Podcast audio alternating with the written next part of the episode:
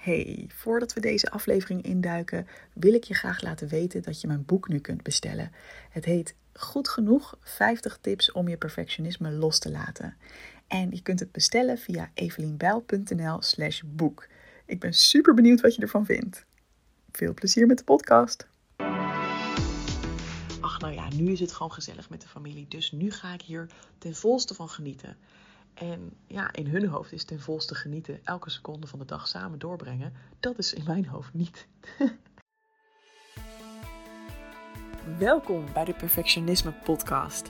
Mijn naam is Evelien Bijl en als ex-perfectionist help ik je graag op weg naar een relaxter en gelukkiger leven door minder streng voor jezelf te zijn. Mijn motto voor jou als je vaak gestrest of onzeker bent: hey, je bent niet gek en je bent niet alleen. Veel luisterplezier.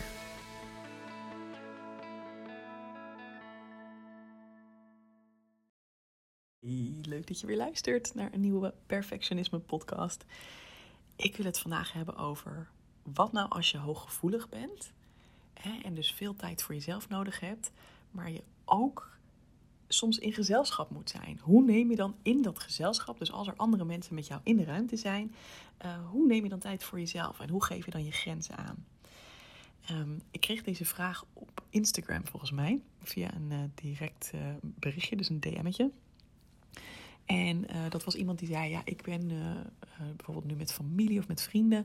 En ik merk dat ik overprikkeld raak van de hele tijd met anderen samen zijn. Maar zij hebben dat niet. Dus hoe geef ik mezelf dan toestemming om het terug te trekken? Want dat valt dan toch heel erg op, weet je wel? Is dat niet gewoon, ja, moet ik me dan niet gewoon maar voegen naar wat de rest doet? Um, ja, hoe, hoe doe ik dit? Want uh, straks vinden mensen me raar. Ik kan me dit heel goed voorstellen. En ik heb ook hele lange tijd dit niet lekker aangepakt voor mezelf. Ik heb heel lang gedacht van ja, ik moet me maar gewoon er doorheen slaan. En dan als ik dan een weekendje weg was met vrienden of met familie, of misschien wel een weekje zelfs, dan kwam ik totaal uitgeput en chagrijnig thuis omdat ik het gewoon niet trek om de hele dag met andere mensen om me heen te zijn. Ehm, en ik heb het gewoon nodig om af en toe me echt even terug te trekken. En ik heb een verhaal over het moment dat ik dat wel durfde te doen. Ehm, en ik hoop dat dat verhaal gewoon jou inspireert om ook jezelf die toestemming te geven. Want daar gaat het uiteindelijk om. Het is bij mij het meest duidelijk als ik weekendjes weg ben met schoonfamilie. Want bij je eigen familie voel je nog wel een soort van, hè, voel ik me, laat ik dat zo zeggen, nog wel een soort van gelegitimeerd om te zeggen: hé, hey, uh, ik maak even een wandelingetje of uh, weet je wel, ik trek me even terug. Mijn uh, eigen gezin, zeg maar, dus mijn ouders en mijn broertje, um, ja, vooral mijn ouders zijn ook best wel gevoelig. Dus die doen het ook wel eens. Dat ze gewoon even een dutje gaan doen als we wat langer samen zijn. Of even, weet je wel, even ertussenuit. Dus daar voel ik best wel de, de ruimte om dat te doen. Maar heel vaak zijn mijn schoonfamilies niet per se uh, alleen maar hooggevoelige mensen. Of, beter gezegd, soms zijn die mensen wel gevoelig, alleen uh, weten ze dat niet van zichzelf. En ja, hebben ze nog steeds de norm dat als je een weekendje weg bent met familie, dan moet je de hele tijd alles samen doen.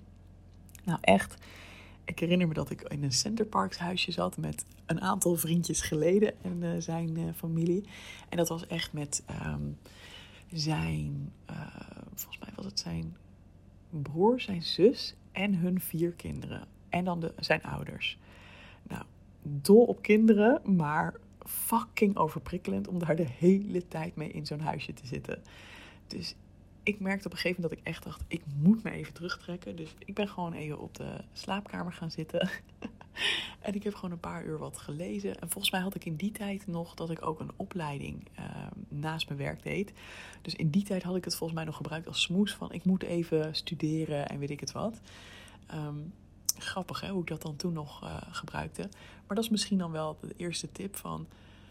Kijk of er iets is wat je, wat je kan, kan aangeven van hey, dit is wat ik heel even wil doen. Of ik wil heel even dit boek uitlezen. Of nou ja, weet je wel, maak het voor jezelf makkelijker als je iets kan verzinnen waarvoor je de tijd nodig hebt. Of eigenlijk nog beter.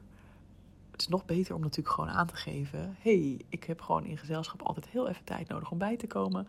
Dus ik ga heel eventjes in mijn eentje een boekje lezen en dan ben ik er zo gezellig weer bij. Ja, en misschien de eerste keer vinden mensen dat gek.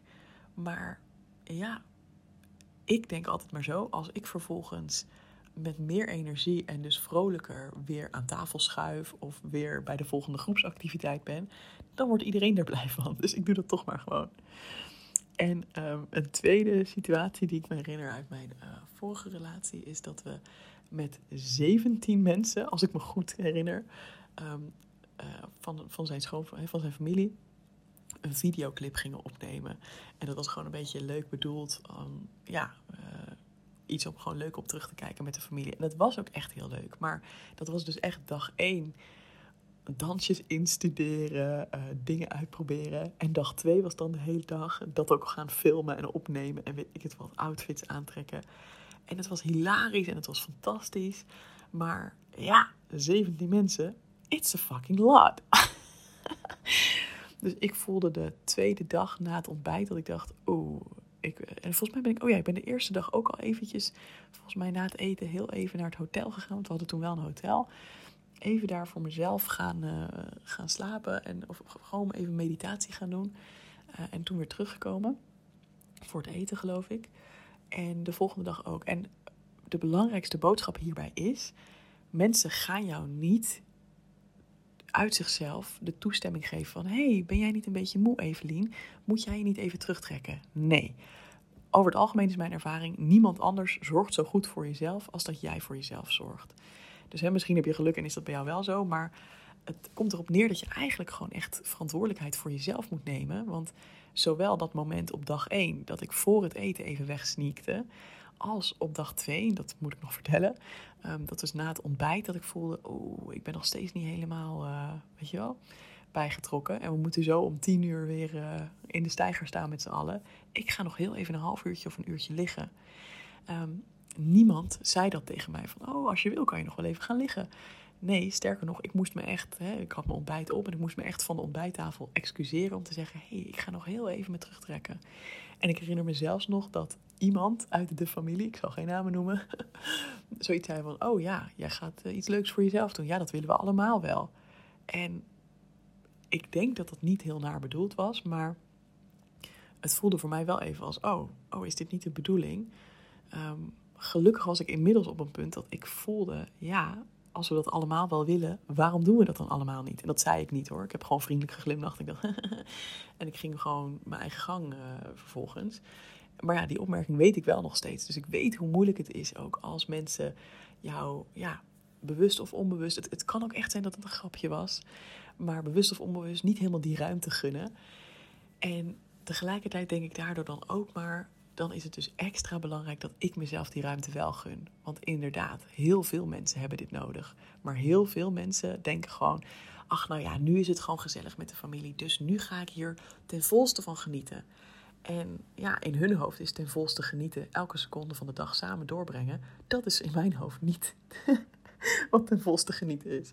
In mijn hoofd is ten volste genieten van samen zijn, is goed opgeladen, goed beslagen, ten ijs komen.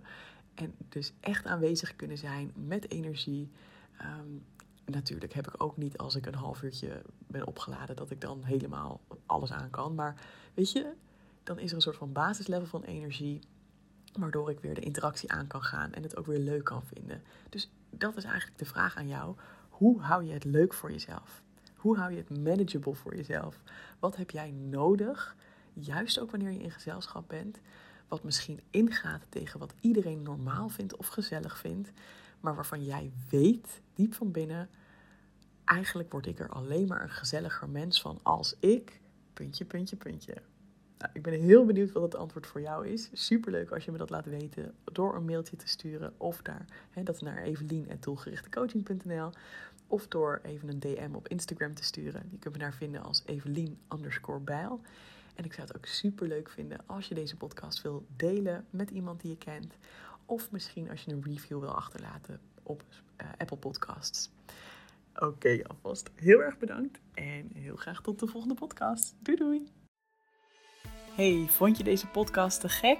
Check dan zeker even mijn online programma Goed Genoeg, speciaal voor perfectionisten.